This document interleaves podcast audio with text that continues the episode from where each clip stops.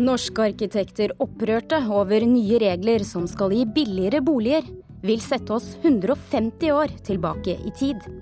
Uenighet om digitalsatsing gjør at toppledelsen i TV Norge går. Kanalen er dårligst i klassen på strømmetilbud, sier medieekspert.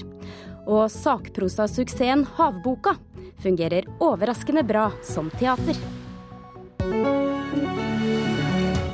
Og Fredagspanelet diskuterer i dag Trump på Twitter, kjendiser i Grand Prix og ny plassering av 22. juli-minnesmerket. Velkommen til Kulturnytt. Mitt navn er Stine Tråholt. Kommunalminister Jan Tore Sanner vil gjøre det billigere å bygge boliger. I disse dager arbeides det derfor med å forenkle byggereglene, slik at byggekostnadene kan reduseres. Men de nye byggereglene foreslår å redusere kravet til dagslys, vindu på soverommet og innvendig bod. Og fjerner man disse kravene, vil det tas 150 år tilbake i tid. Det mener Norske arkitekters landsforbund. Stort? Ja, dette hovedsoverommet er 12 eh, kvadratmeter. Ja. Vi er på Krydderhagen i Oslo, hvor eiendomsmegler Thomas Eriksen stadig vekk selger nye leiligheter. Så det er en bra størrelse på, på det største, egentlig. Godt med skapplass og fint til dobbeltseng og, og sånne ting. Og nettopp plass skal vi snakke mer om.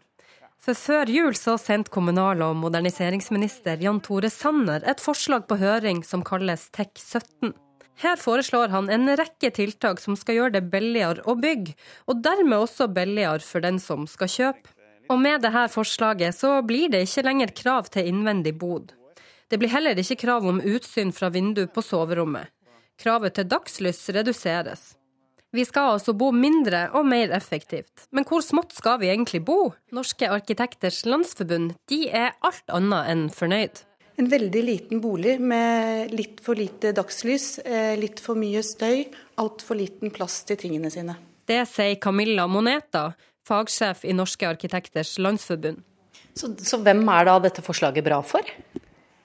Sånn som vi ser det, så er det utbyggere og tomteeiere som kommer til å sitte med en gevinst, men at boligkjøpere i det markedet vi har i dag, eh, er den som sitter igjen med svarteper. Hun mener altså at vi eh, står i fare for å skape oss en minimumskvalitet, som er å bygge oss tilbake i 150 år. Så da kommer det kanskje ikke som noe stor overraskelse at de som har sendt ut dette forslaget, er uenig?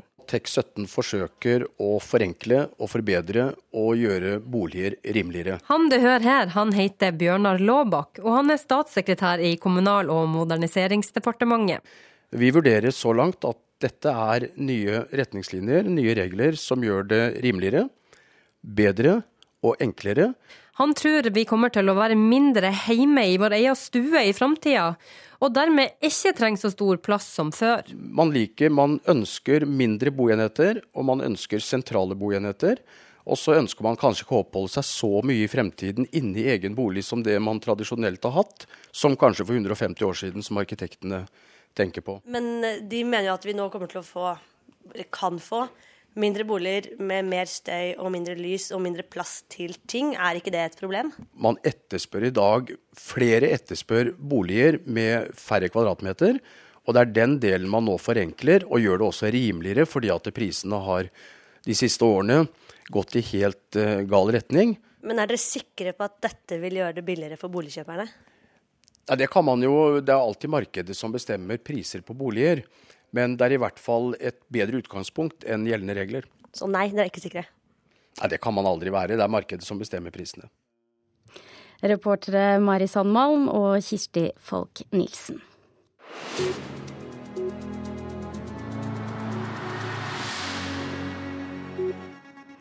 Det overrasket mange at to toppsjefer i Discovery-eide TV Norge gikk med umiddelbar virkning i går. Uenighet om kostnadskutt framfor digital satsing skal være blant årsakene. Det skriver Dagens Næringsliv i dag. Det er en ærlig sak å være uenig om noen veivalg, men når man er uenig med eieren sin, da er det naturlig at eh, det er jeg som går. Plutselig var han ikke TV Norge-sjef lenger. Harald Strømme og digitalsjef Sindre Østgaard gikk av med umiddelbar virkning i går, selv om verken Strømme eller TV Norges kommunikasjonssjef ville utdype hvorfor. Vi er blitt enige om å ikke gå i detaljer om, om hva den uenigheten består i. Jeg går ikke inn på detaljer rundt eh, de uenighetene som eh, kommer fram i dag. Den verdensomspennende amerikanske TV-giganten Discovery kjøpte TV Norge for fem år siden. Dagens Næringsliv skriver i dag at uenighet om kostnadskutt framfor digital satsing skal være blant årsakene til sjefenes avgang. Bare halvannen uke før han gikk av, holdt digitalsjef Østgaard en presentasjon for toppledelsen til Discovery i Miami, der han presenterte fremtidsvisjonen sin. Til DN i dag sier han at han og ledelsen har ulikt syn på hva som skal til for å lykkes, og at forutsetningene for at han skal gjøre det, har endret seg.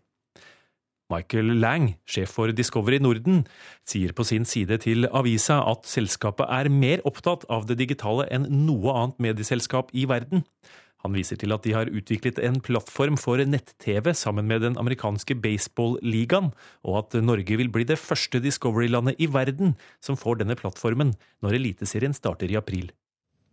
Det var Gjermund Jappé som orienterte. Gard Michaelsen, redaktør i Medier24.no. Du følger mediebransjen tett. Hva tenker du at denne uenigheten består i? Eh, det er nok flere ting der digitale, eh, den digitale utviklingen er kanskje et del av bildet. Men så handler det nok også om at Harald Strømme har vært vant til å være sjef. og være litt, eh, være litt sin egen sjef med litt vekslende eierskap, mens han har bygd opp til Norge til å bli en både seermaskin og pengemaskin. Og så virker det som at de amerikanske eierne nok har blitt stadig mer detaljstyrende. Og kanskje særlig etter at det nye Han var jo nevnt her i stad, Mike Lang kom inn som, som Harald Strømmes sjef igjen. Og hvis det blir for mye detaljstyring, så er det kanskje på et tidspunkt nok. Ovenfra, eh, tenker ja. du? Det her skjer jo i et nytt år, på vei inn i et nytt budsjettår eh, med en ny sjef. Så det er flere ting som skjer samtidig, virker det som. Men så er det også et signal tydeligvis om at eh, når Sindre går samtidig i Østgård, så kan det være også et, et Så sies at det også er et lite preg av her, den digitale utviklinga, der TV Norge ligger litt bak fortsatt.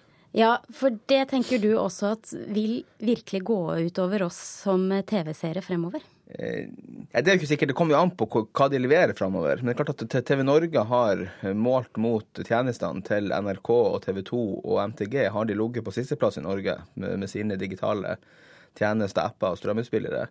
Eh, de har ikke vært gode nok, rett og slett. Eh, og når de begynner med norsk fotball om et par uker, så må det være godt nok. For er det noe norske fotballfans vil, så er det å ha ting som fungerer. Men de har jo også et strømmetilbud. Hva mener du med at de ikke har vært gode nok? Tjenestene, en måte, du kan si tjenesten appen har ikke vært god nok kvalitet over. Det har ikke fungert godt nok. Særlig ikke opp mot, opp mot type tjenester som Apple-TV og spiller på store skjermer og den type ting. Og klart at I dagens TV-marked så må du ha noe som fungerer på tvers av alle enheter. De har jo vært foroverlent i den grad at de har sikret seg store sportsbegivenheter. Har det vært en feilprioritering, sånn som du ser det? Nei, det har det ikke vært, for du må jo ha det beste innholdet. Og særlig i dagens TV-marked så må du ha direkte sport. Det ser vi jo at hver gang, altså Det eneste som setter serierekord i dag, er jo direkte sport og Farmen. Stort sett. Så klart at det å ha OL og det å ha norsk fotball er kjempeviktig framover. Men nå må du også kunne nå ut til andre enn de som har lineær TV hjemme. Hvor kort tid har TV Norge på seg til å utvikle strømtjenester som kan konkurrere ja. f.eks. mot TV 2, som har satset veldig hardt, også NRK? Det blir spennende å se. Den tjenesten man snakker om, den amerikanske baseballtjenesten, skal visstnok være veldig god. Eh, men det må jo være klar for det norske markedet i løpet av et par uker. Eh, og det er ikke alltid at det amerikanske markedet og det norske markedet er likt. Hvor dårlig tenker du det er nå at toppsjefen går av sånn med umiddelbar virkning?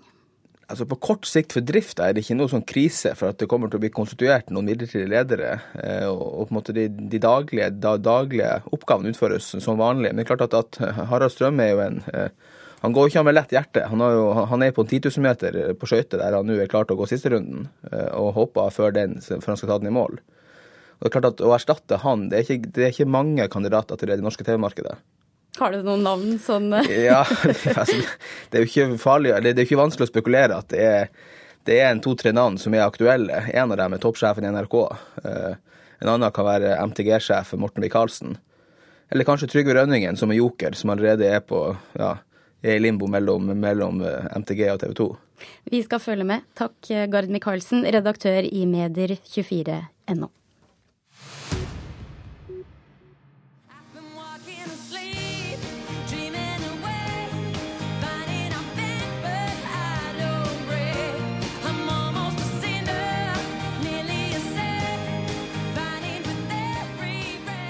Dette er Perfect Life med Levina, som blir Tysklands bidrag til finalen i Eurovision Song Contest i Kiev i mai. Det er klart etter den tyske finalen i går kveld. Og i Tyskland der valgte man først artist, og deretter hvilken låt som skulle representere landet i Ukraina. Og sangen 'Wildfire', som Marit Larsen har vært med på å skrive, konkurrerte om finalebidraget, men nådde altså ikke opp. Den høres slik ut.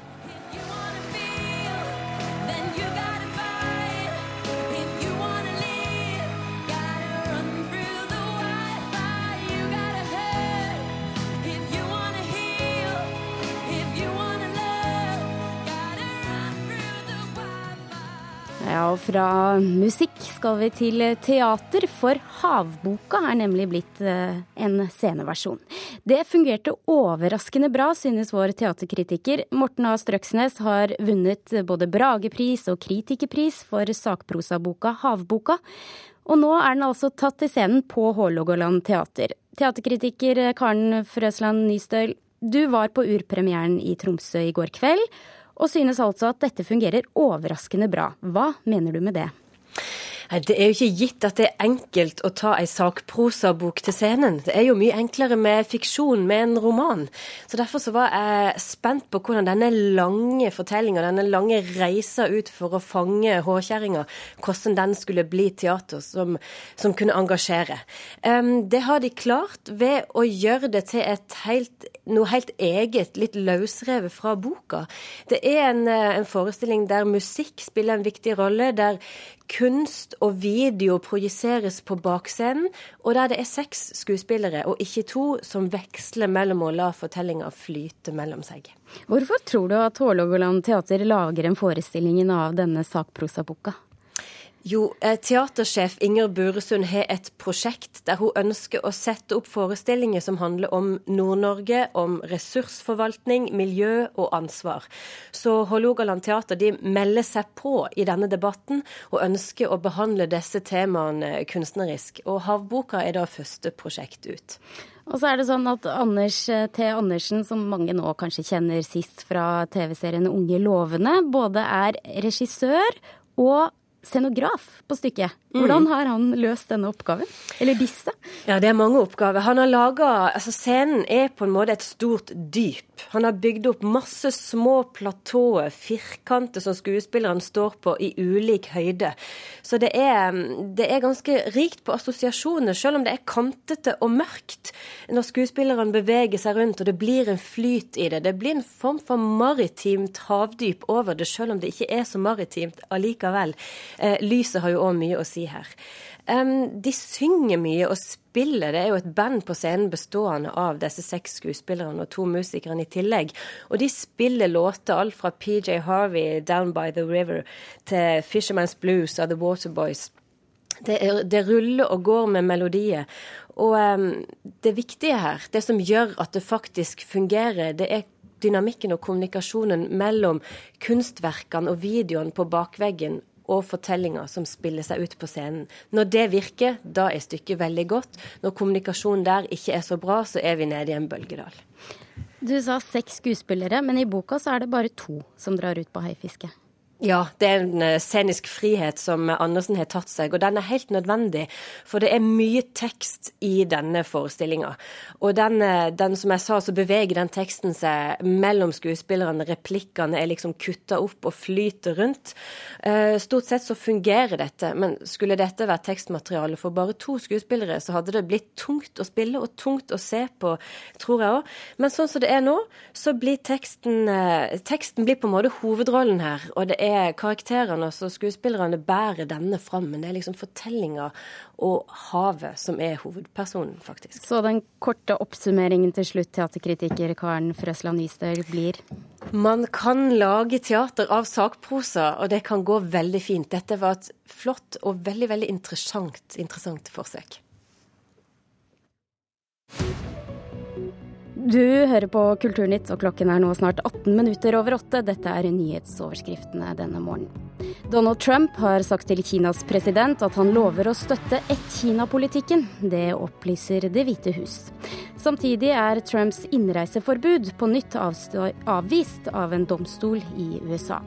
Og russiske myndigheter kaller Natos opprustning i Polen og de baltiske landene for en trussel mot Russland. Velkommen, ukens fredagspanel, som i dag består av direktør for Riksteatret, Tom Remlov, redaktør for nettmagasinet Fanfare, Synne Øverland Knutsen, og direktør for Produsentforeningen Virke, Torbjørn Urfjell. Hei, hei, alle sammen. Det, det heter altså teatersjef hos oss. Direktøren steller med noe annet. Da tar vi med oss det, og går videre til presidenten i USA, Donald Trump. Trumps lite presidentaktige tweets er nemlig både blitt kritisert og møtt med hoderysting etter at han tiltrådte som USAs president. Mange mener twittermeldingene hans er et resultat av presidentens hårsårhet og impulsivitet, men avisa The Guardian tror det er en sostifikert strategi for å tåkelegge fakta. De fikk til dels støtte av retoriker Kjell Terje Ringdal her hjemme denne uka, som tror at de nattlige Twitter-meldingene er en PR-messig smart måte for Trump å definere agendaen på. Hva tenker dere? Undervurderer vi ofte Trump på Twitter? Synne? Nei. Ja. Tom? Jo, jeg tror vel egentlig vi gjør det. Hvorfor det, Tom Revlo? Det er fordi at vi blander uh, grepet med å bruke Twitter med hans personlighet. Altså Hans personlighet har vi jo klart undervurdert. Um, og det er på alle mulige måter skremmende, det som fremstår. Men hans bruk av Twitter er jo helt genialt. Hvorfor er det genialt? Jo, fordi han, altså, han kan sette en agenda. Um, og han kan slippe til altså, bokstavelig talt uredigert. Han er sin egen redaktør. Jeg må si at i min lange tid med befatning med offentligheten og med media og presse, så skulle jeg gjerne hatt Twitter til rådighet mye tidligere. Uh, for, rett og slett for å kunne sette en slags agenda og få sagt det jeg ville, uh, uten å måtte insistere på sitatsjekk og alt dette her som, som, er problematisk veldig ofte. Det er ofte vanskelig rett og slett å få sagt nøyaktig uh, hva man selv mener, og nå fram i offentligheten med det, hvis man har en offentlig funksjon. Synne, du tenkte ikke det samme? Ja, nei, Vi snakker om det nå, da, så da tenker jeg at vi ikke undervurderer det. Men, øh, men jeg tror vi undervurderte kanskje hvor hevet over spillereglene han var. da. Eh, og hvordan han gjennom å kommunisere direkte med sine velgere, eh, hva, at det faktisk ikke har så mye å si da, hva vi da i respons til det skriver. Da.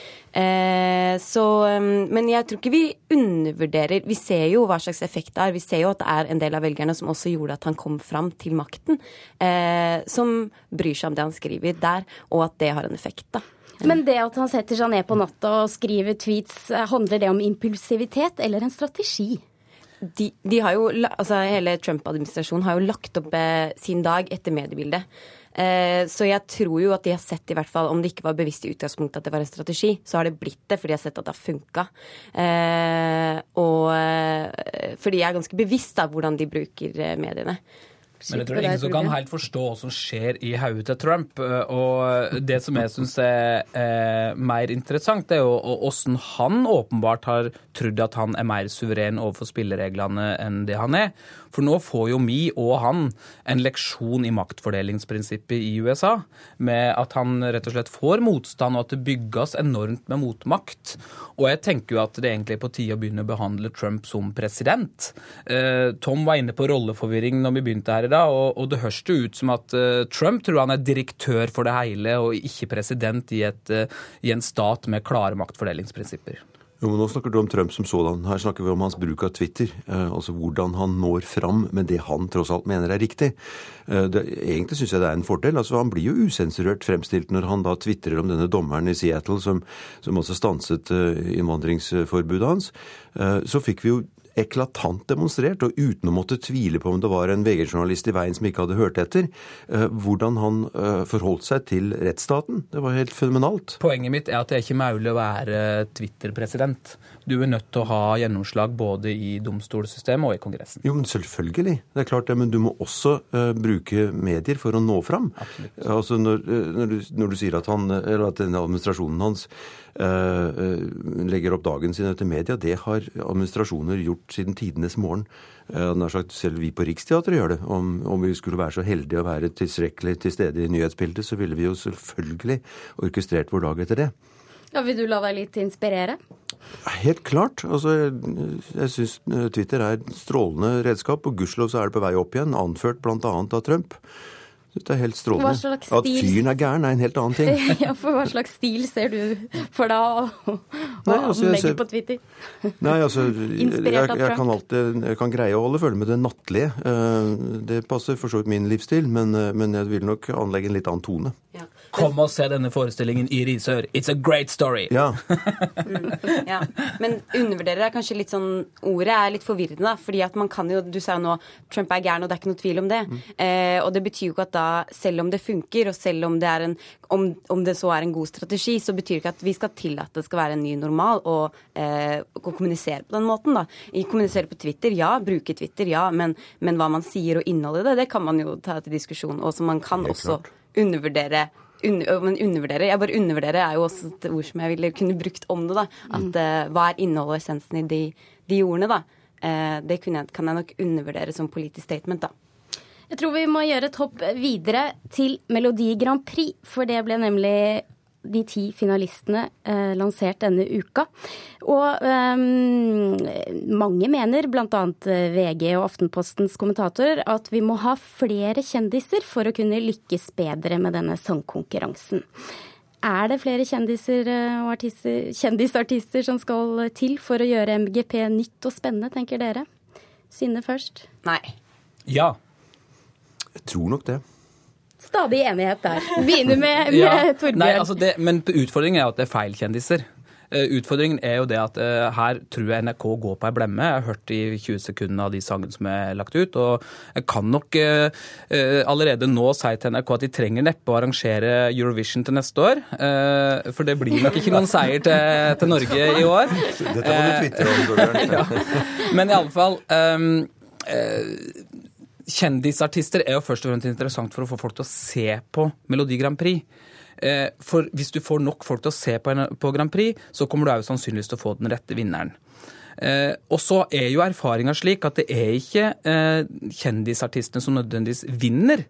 Eh, men det kan trekke oppmerksomhet til det. Og noen av de beste eksemplene vi har på sanger som har gjort det veldig bra, viser jo at Norge har levert Jostein Hasselgaard, vi har hatt Silje Wige, Karoline Krüger var ikke kjent, Alexander Rybak var ikke spesielt kjent når han eh, kom inn. Eh, og det viser seg at de beste sangene, det er, rett, det er reelt en melodikonkurranse. Sjøl om man ler litt av det, så er det det. Ble du enig, Synne? Ne, altså, vi, vi, er bare uenige på ja og nei. Vi er veldig enige i hva som er innholdet i argumentasjonen her. Men uh, ja, jeg mener at uh, det eneste som skal som vekker interesse, er å være musikalsk relevant. Da. Og det ser man også at det fins jo låter som bare kommer, og så blir, det radiohits. Og det kan være fra en person som ikke var kjent i det hele tatt. Da. Så, men jeg tror også det handler om hva slags kjendis vi snakker om. Hvis det er eh, kjendisveteraner som skal relansere seg selv i Melodi Grand Prix, som det har vært en trend de siste årene, så tenker jeg at det ikke er så nødvendigvis så interessant. Men hvorfor er det feil å tilby kjent folkekjære artister plass i en sånn konkurranse? Ja, det er ikke Husker du, altså. Eh, og det som eh, vi må nødt til å, å, å, minne NRK om, det er at det skal jo òg være en lansering av folk som vil flytte norsk musikk videre. Så jeg tenker at De artistene som allerede har vist at de bringer noe nytt inn i norsk musikk, de må få lov til å, å vise seg videre på Melodi Grand Prix og etter hvert Eurovision-scenen. Så kan det hende at ikke de vil, men der bør NRK gjøre en bedre jobb for å få det til å ville. Ja, altså, kjendiser er oppmerksomhetsgivende. Det ligger jo liksom, det, er en, det, er, det ligger i sakens natur, det er per definisjon. Eh, men samtidig så er jo begivenheten den er jo en konkurranse. Og der, som alle andre konkurranser så skal det egentlig være mulig å komme fra intet og bli vinner. Eh, I skisporten, hvor, hvor den enn måtte være. Eh, så Sånn sett så er det en begivenhet som, som sliter litt med, med, sin identitet. Eh, men vi som er i underholdningsbransjen, vi vet jo det at kjente personligheter skaper større oppmerksomhet og besørger større oppslutning. Mm. Og det er et viktig poeng. Ja, men jeg hadde ideelt sett for meg at man snudde den trenden, da.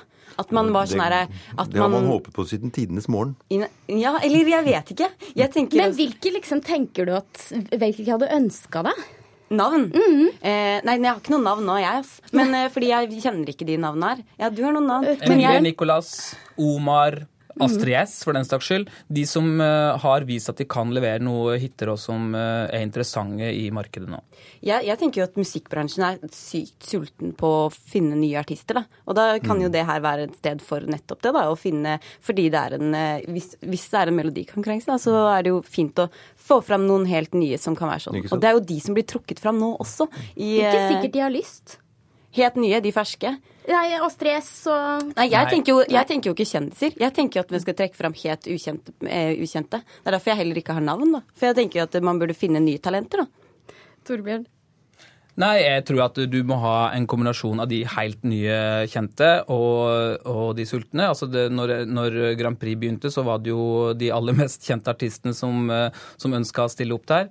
Eh, Så får vi se om den kan få den statusen igjen. Nå har jeg vært fryktelig dårlig på å disponere tiden her, fordi dere eh, snakket så godt om dette. Men et kort meningsutveksling til slutt om AUF og, og Utstranda. De foreslår altså da et nytt sted, minnested etter 22. juli, etter alt bråket som har vært om Sørbråten. Er dette nye forslaget en god idé for å skape ro? Ja. Nei. Ikke for å skape ro. Jo, altså, Det er jo det forslagets motiv, at det skal skape ro. Dette er jo en sak som har kommet usedvanlig uheldig ut. Altså det, det opprinnelige forslaget fra den svenske Uh, kunstneren var jo helt fenomenalt. Uh, altså, og det var jo intuitivt uh, møtt med begeistring av oss alle. Og så har det rett og slett kantra, og da må man finne på en helt ny vri. Og det har de gjort. Det blir dessverre ikke ro, og den brutale sannheten som er helt umulig å si, det er at eh, Utøya og området rundt kan aldri bli det samme, og det må dessverre også naboene leve med. Ja, Ankepunktet til naboene er vel at de er redd for publikumstilstrømningen. Eh, de syns hakket var fint, eh, men de syns ikke at publikum at De var redd for at det kom flere enn det som det var skissert opp. da. Og sånn sett så er jo også dette Dette er jo flere naboer i tilknytning til det nye forslaget. Og så tenker jeg også at det er bare sånn første læring. Må invitere naboene.